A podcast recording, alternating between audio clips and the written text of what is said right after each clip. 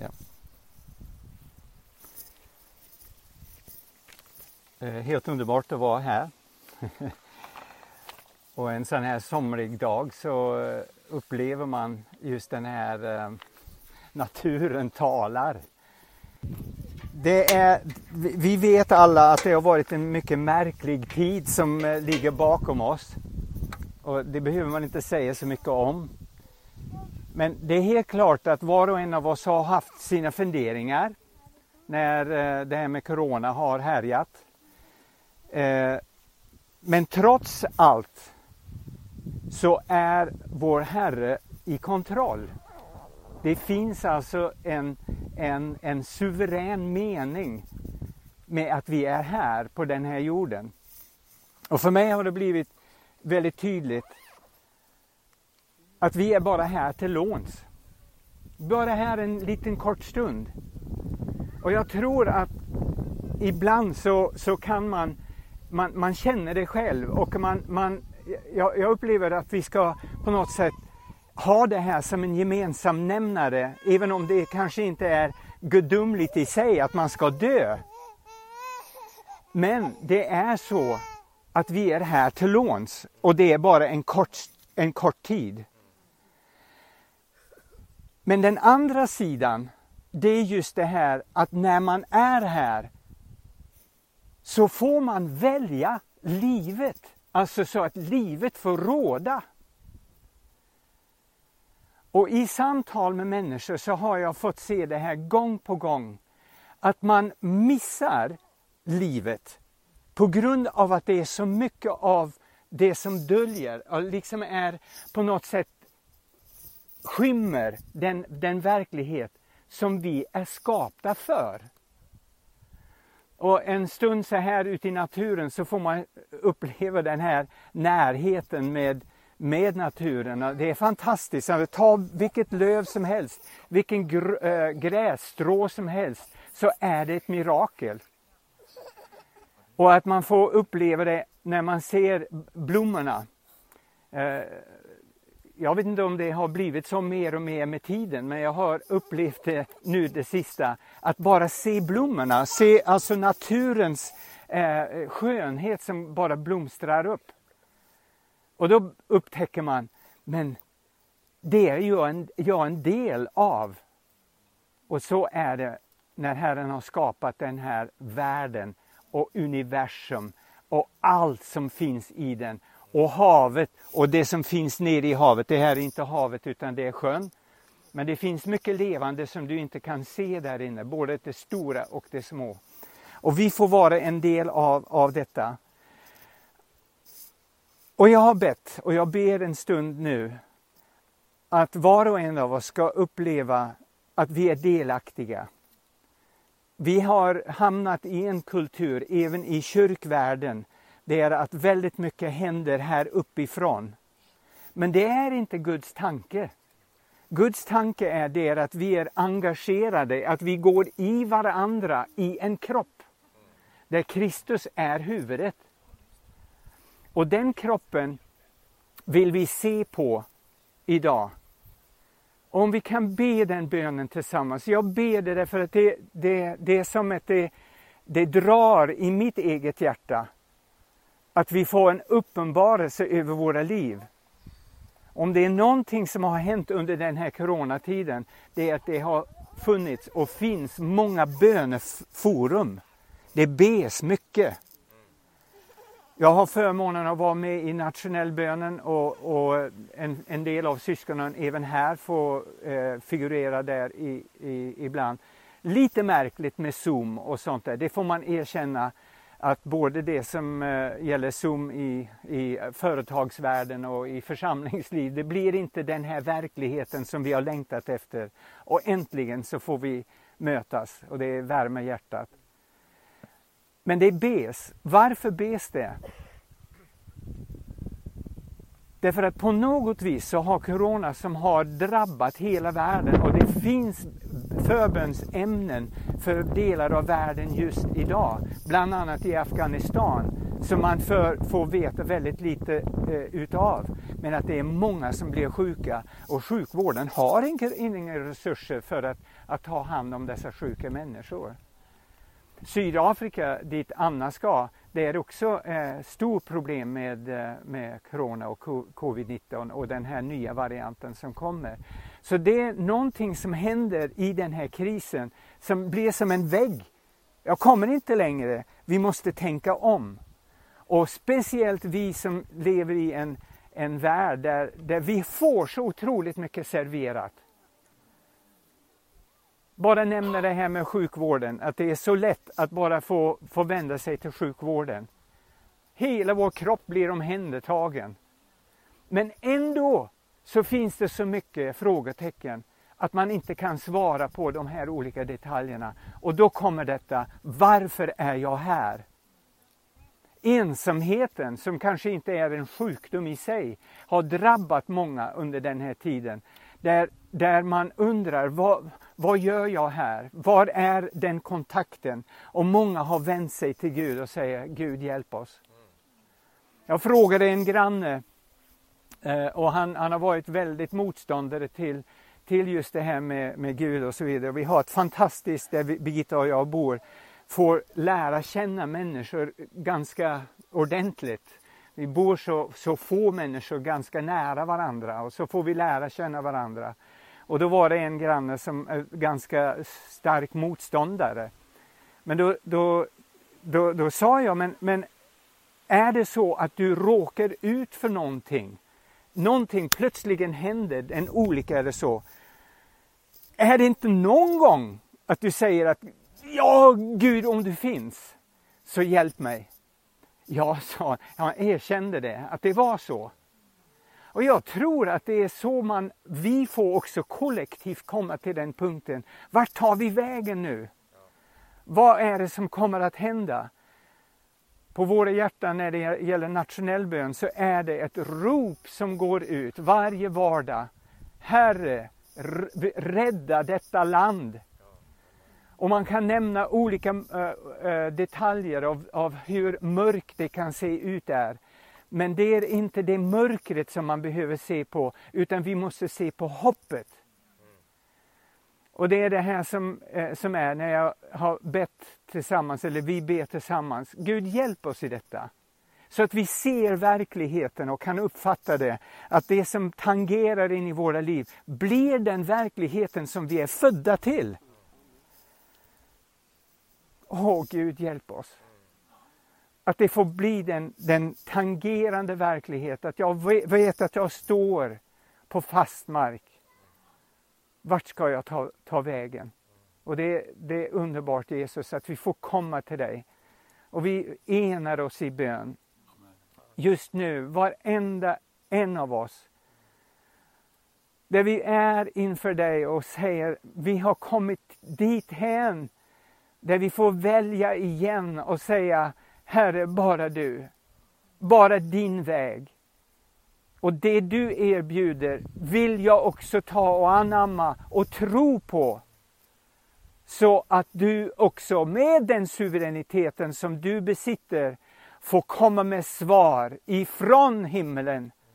Så den här stunden står vi, vi sitter här inför dig. Och Herre, vi kommer i vår bön, vår enkla bön och kommer till den hyllan i himmelens förråd och säger Herre, vi tar ifrån dig och tar ner det till jorden. Vi vill tacka dig för det du har för oss idag och låt hjärtat bli öppet, var och en av våra hjärtan.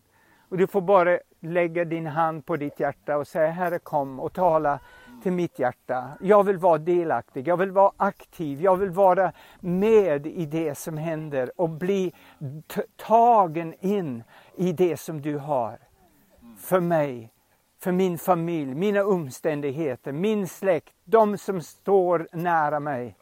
De behoven som finns, men också sträcka oss ut till andra världar där vi inte är hemma i första hand. Vi öppnar våra hjärtan. I Jesu namn. I Korintierbrevet kapitel 13, det är kärlekskapitlet eh, som är så underbart. Det många gånger läses under eh, bröllop och så vidare. Men där står det de tre sista orden. Tro, hopp och kärleken. Dessa tre. Men störst av allt är kärleken. Och den kärleken som står där i grundtexten, det är Guds kärlek. Alltså den obefläckade, den kärlek som inte går miste det målet som är tänkt ifrån himmelen. Om man tänker sig att vi får vara inkluderade i den kärleken. När Jesus vandrade här på jorden så hade han full, full tillgång till hyllan i himmelen för att hämta ut tro. Han hade full tillgång till att hämta ut hopp och full tillgång att hämta ut kärlek. Igår kväll så satt vi i samtal, vi var bjudna till en stor fest. Eller stor och stor fest, det var inte så jättestor fest, nio personer var vi, men en, en fest. Resten av familjen de blev kvar hemma hos oss. vi fick lämna och, och går till den här festen och vi blev kvar i ett samtal där.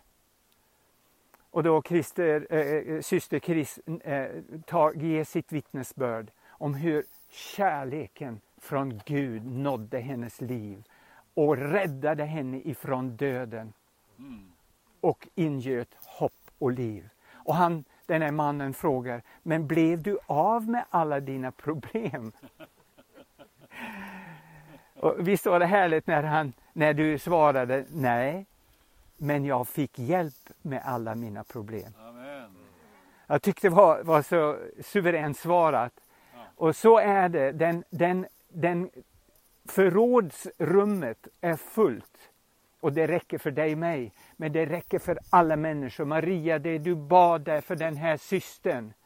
Att be ut. Det räcker också för den helande som behövs i ett sådant sammanhang. De saker som vi möter i våra familjer när vi eh, eh är, jag tänker på er som är yngre som har små barn och där det kan upplevas, det, det räcker inte att fostra mitt barn. Jag måste ha mer.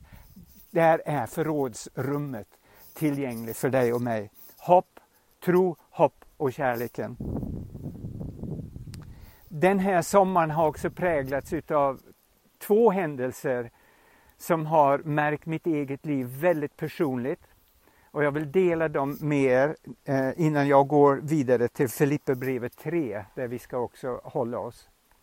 Den ena händelsen det är en kär broder som har varit med i församlingen eh, som heter Bengt Andersson vars fru heter Nina eh, uppifrån Hedvedsholm.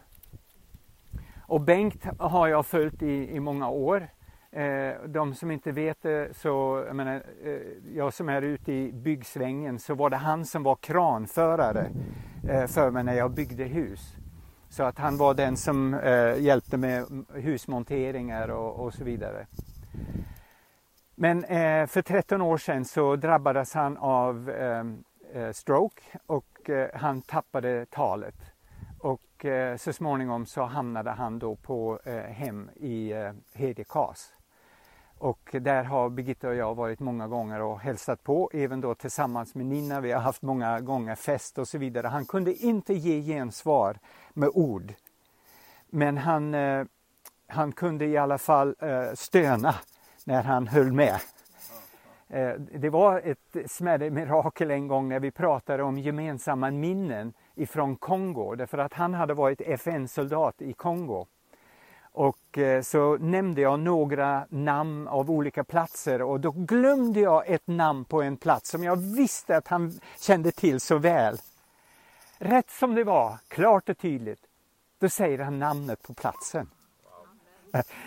Det var, det var som ett mirakel. Jag tänkte det var en liten droppe som kom ifrån himlen, eh, ifrån det här stora förrådet. Eh, men han gick bort här för eh, ja, ungefär sex veckor sedan. Så var eh, första gången eh, som det öppnades upp då för, för eh, lite större samlingar. Så det blev en liten samling uppe i Berghem där många av oss har varit. Och det blev en, eh, en begravning. Jag säger, det, det, är sällan jag blir glad på begravning, men, men den här begravningen blev jag väldigt glad. För det andades just det här med tro och hopp. Och prästen som bor i Bro, eh, Brodalen, det är där vi bor. Alla känner honom. Men han är en sån där som har blivit helt utfryst ifrån, eh, ifrån de andra eh, och utifrån samhället. Därför att han står på en biblisk grund. Det är en kamp som du och jag vet väldigt lite om just nu. Men det finns människor som går i döden för att stå på, på Guds ord. På Bibelns grund. Och vi kommer närmare dithän också i Sverige. Det finns martyrer som ger allt för att predika Guds ord. Som sitter i cell eller som går i döden. För att de står för vad Gud har sagt i Bibeln. I Afghanistan så är det, jag delar mycket med Kudratullah, det finns idag människor som inte vågar säga att de är troende. Många av dessa är i Sverige idag. Och vi går till mötes i det här landet där de här värdena kommer att mötas mer och mer. Och då finns det just detta. Var finns förrådet för den kärleken för att ta emot de, de människorna? Jag säger ofta i nationell bön. Det kommer inte att se ut som förut. Det är förändringarna som är på gång. Amen. Och de förändringarna har vi en tid, ett fönster av tid att vänja oss vid de här nya förändringarna. När jag hör bön som bes med en accent som inte är svensk accent, då gläds mitt hjärta. Och jag tror att vi kommer att behöva vänja oss vid detta. Att det är inte en massa ord som behövs. Det behövs en öppen famn. Jag vet att Fredrik Reinfeldt sa, vi behöver öppna våra hjärtan för dessa människor som kommer från Afghanistan och Iran. Men vad som behöver hända i Guds församling, det är ett hjärta som är implanterat i oss. Där blodomloppet är hans blod som rinner. Så att vi får ut den kärleken till människor. Och där finns detta med liv och död. För innan detta kan ske och bli en verklighet i mitt och ditt liv så behöver den första döden ske i oss. Och det är faktiskt en förmån. Att kunna gå på din egen begravning medan du ändå lever. Och den här övergången är närmare och närmare. Jag tror att även om man har sagt sitt ja till Jesus tidigare och sagt ja Jesus, jag vill följa dig så kommer det nya utma utmaningar där det blir eh, frågan likadan som det var förut. Men kanske inte i den här romantiken som det var en gång i tiden. Jag vet när jag sa Jesus, ja till Jesus första gången, det, jag, det, jag var euforisk, jag var i himlen. Men den upplevelsen behöver förnyas gång på gång. Och där är vi idag som Guds församling. Jag saknar de unga, jag saknar den nya generationen. Men det kommer att se annorlunda ut. Och jag tror mödrar och fäder kommer att behövas i den kommande tiden för att hjälpa och leda och hjälpa människor fram till det som kommer. Vi sjöng den här sången, Helig, helig är Herren Gud. Och helighet betyder en avskildhet den här sommaren kan innebära en avskildhet att vara inför den Helige. Alltså den som är och var och ska komma. Så att man tar in det och andas det. Vet du att Gud andas bara ut? Jag har inte tänkt den tanken förut. Men han andades in ande i Adam och Eva. Du och jag behöver andas både in och ut för att få ut sy det dåliga, sy eh, dåliga, det förbrukade syret. Men låt oss andas in av Herrens ande. Och vi vänder oss till Filipperbrevet 3. 3 och 13 och 14. Vi läser några verser där. Kudratula, har du den där också? På, på persiska? Ja. Det är bara min eh, fingeravtryck som kan öppna den. Eh. Och eh, ja, ibland så tänker jag så här, är det så att Herren behöver sätta fingret på, på ditt och mitt liv för att öppna våra liv? jag tycker det är så häftigt med de här telefonerna som känner igen min, min tumme som är mest skadad men den känner ändå igen det. Det finns en säker grund som vi står så sjunger vi också. Tacksam för den här sången Emanuel. En säker och en framtidsgrund. Jag, jag, tror inte att vi kan med vår hjärna ta in det, vad det innebär att stå på den grunden som kommer att bära oss in i den tiden som kommer. Och jag vill inte vara en, en uh, profet på så sätt. Men vi behöver förstå att få gå med Gud så finns det bara en väg och det är ödmjukhet i bönen. Ödmjukhet i bönen. Om jag har förstått rätt, ju mer jag läser både Nya och Gamla Testamentet, att ödmjukheten, är ett av de bästa uttrycken av att vara ödmjuk, det är fasta. Och det finns olika former av fasta och det här är inget tvång utan det är någonting jag väljer. Att säga Gud, jag avstår ifrån allt det mänskliga, allt det som bara öses över mig, speciellt i västvärlden där det finns tillgång till allt. Och säga jag avstår för att ta del av dig och få leva av dig, inte av mig själv. Och då är det inte någon människas styrka eller kraft som gör det, utan den heliga Ande gör det. Bröder, jag menar inte att jag redan har gripit det. Paulus som säger det. Jag har bara kommit en liten bit på vägen. Men han säger det. Men ett gör jag. Jag glömmer det som ligger bakom och sträcker mig mot det som ligger framför. En framtid och ett hopp ett hopp för värld som inte vet var hoppet, var hoppet finns. Detta finns så nära. Och på den här eller festen som vi hade igår, man kunde skönja det. Det andades i, i världen, i, i luften. Hunger, hunger. Vad är hoppet? Går det att stå på detta? Den här mannen sa, du får komma hem till mig och, och vi får prata mera. Och det här är flera tillfällen som jag har haft med den här mannen. Och det här är våra grannar, det är våra släktingar, det är människor som är i, i de här övergångarna. Och det kan vara också i ditt liv, som Anders bad här förut. Det kan vara eh, svajigt, det kan vara svårt i våra liv. Åh, låt oss hålla fast. Vi har inte nått fram, utan det ligger framför oss. Och han säger, jag jagar mot målet för att vinna segerpriset. Guds kallelse till himmelen i Kristus Jesus. Bröder, ta mig till föredöme och se på dem som jag nu under tårar. Många lever som fiender till Kristi kors. Detta ser vi. Det är fler som kommer att vara fiender till Kristi kors. Men i det korset finns räddning och frälsning. Och det är det som måste höras ut och förmedla hoppet.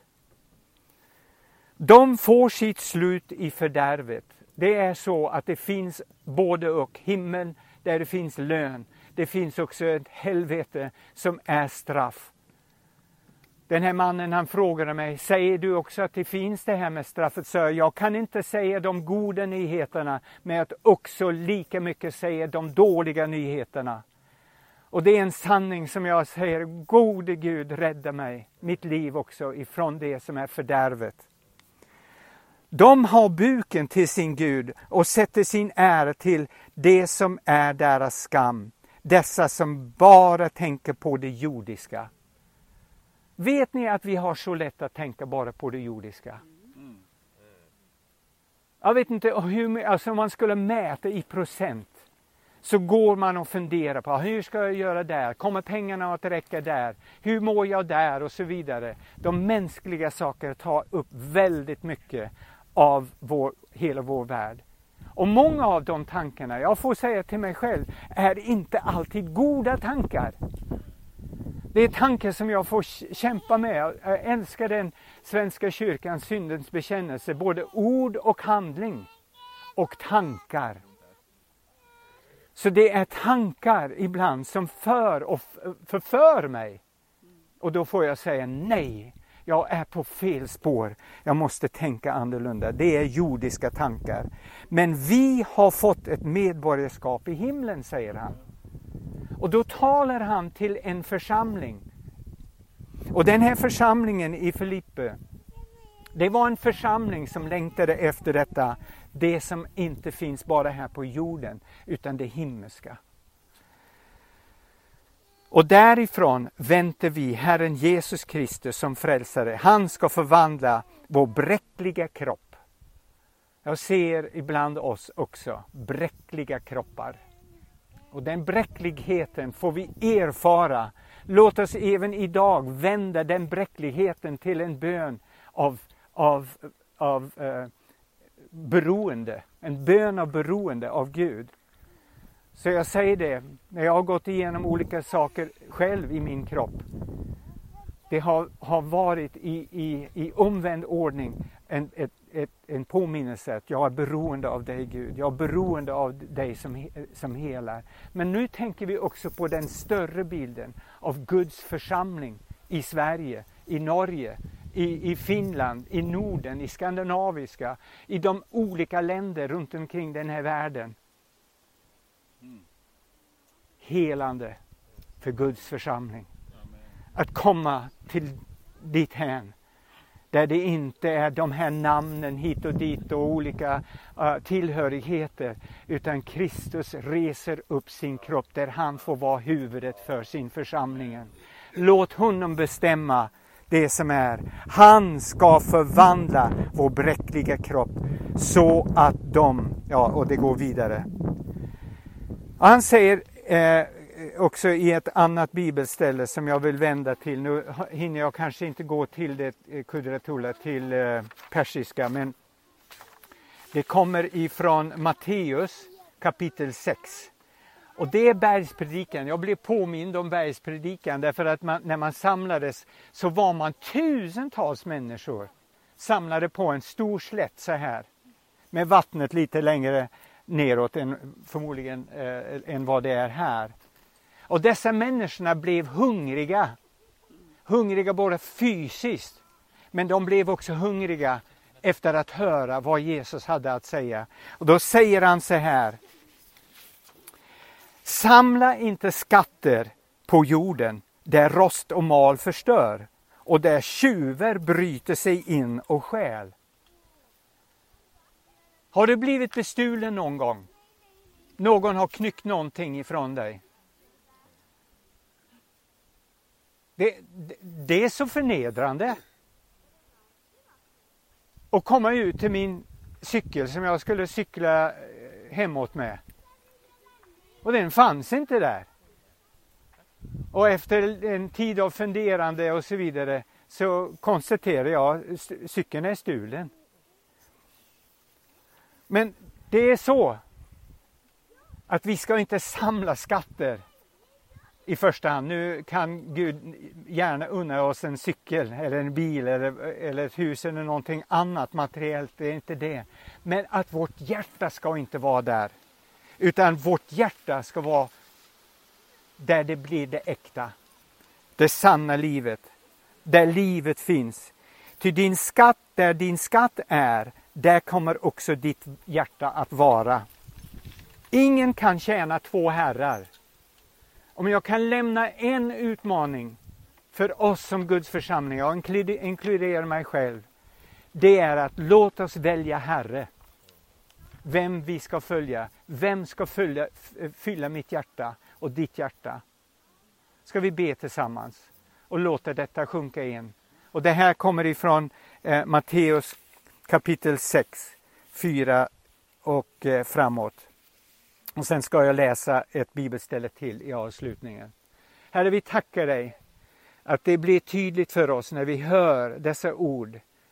Det är som någonting händer i våra hjärtan. Det blir en, en dragningskraft som drar oss nära dig så att vi får höra dig och komma nära dig och se dig och förstå någonting som tändas, tänds i våra liv och hjärtan. Och där vill vi komma, dit vill vi komma och gensvara. Var du vår Herre. Vi kan inte tjäna två herrar. Utan jag vill tjäna den levande guden som ger liv och liv i överflöd.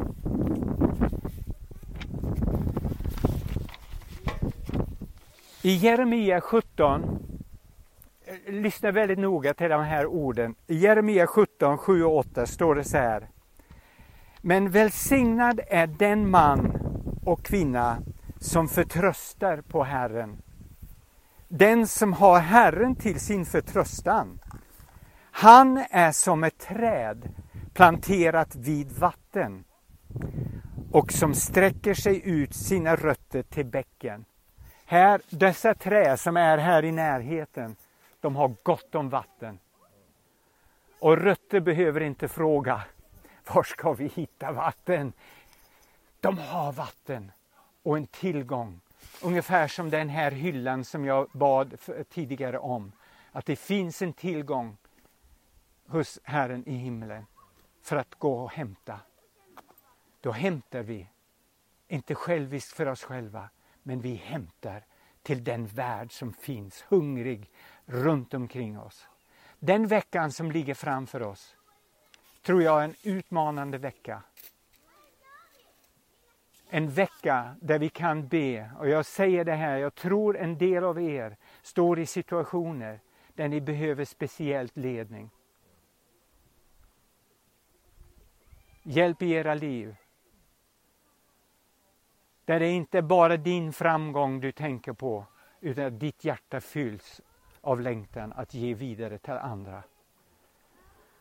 Jag tycker det är fantastiskt Anna när du kom fram och vi be, får be för dig här. Men jag tror att det finns utmaningar för var och en av oss att förfölja Jesus i detta med våra hjärtan.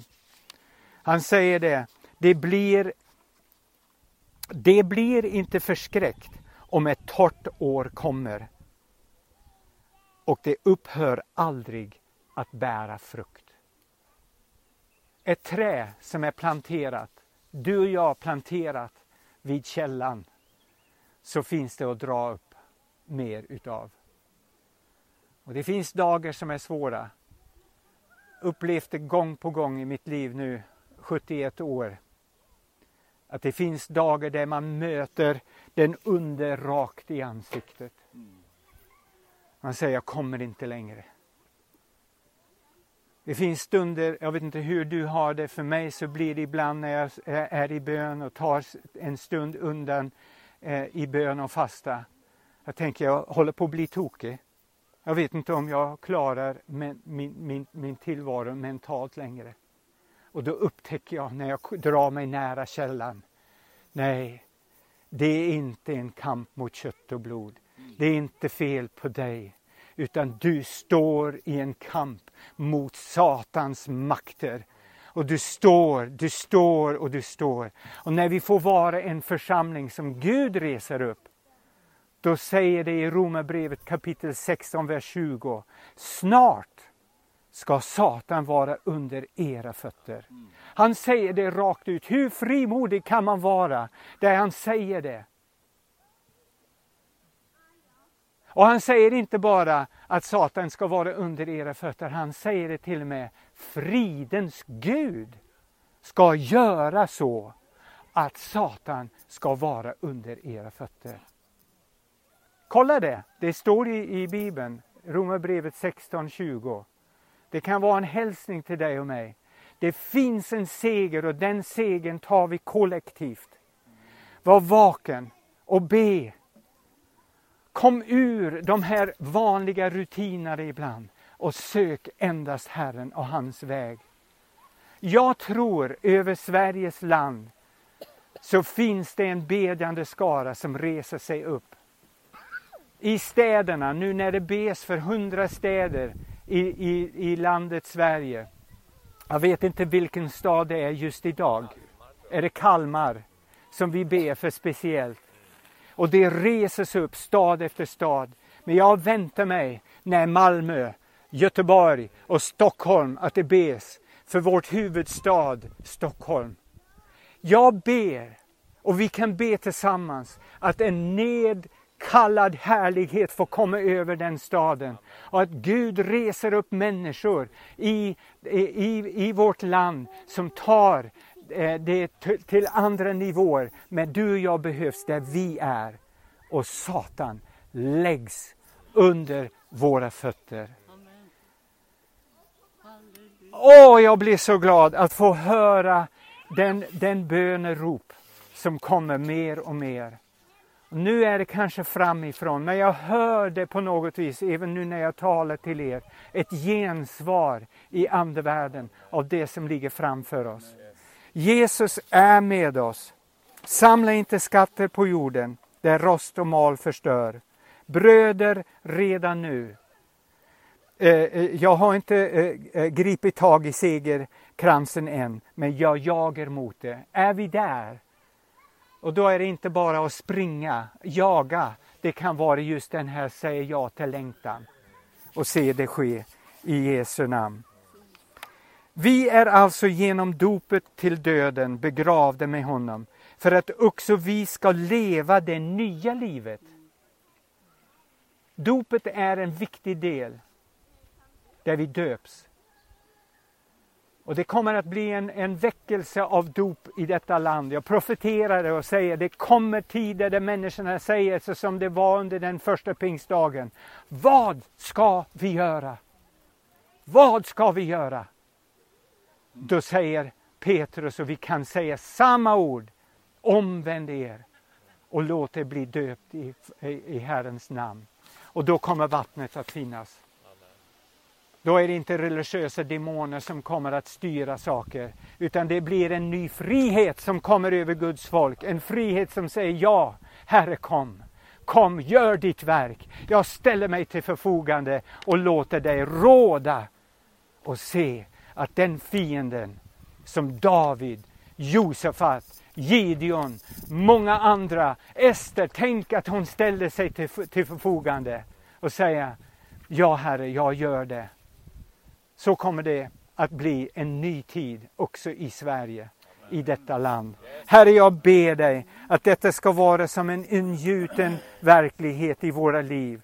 Att du kommer över oss, inte bara som individer, vi som är så individu, individu, individualistiska i vårt samhälle. Att det blir en kollektivitet som kommer ifrån i himlen över oss. Så att vi ser att vi också kan dö så att du får komma fram med liv in i varje liv och hjärtan och in i varje församlingssamling, i varje hus och hem där Jesu namn blir nämnd. Det ber vi om i Jesu namn. Amen. Är det så att det är någon som känner, jag skulle vilja att du ber för mig eller att vi ber, kan du söka upp mig efteråt så tar vi en stund tillsammans, kanske Anders och Karin, Birgitta är också här och så vidare, så kan vi be. Men vänd dig till syskon. Jag tror den här samlandet som kommer att bli nu efter coronatiden är ett profetiskt samlande så att vi får samlas för att hämta ifrån förrådshuset i himlen. Och det finns gott om det. Det finns svar. Det finns hjälp som kommer.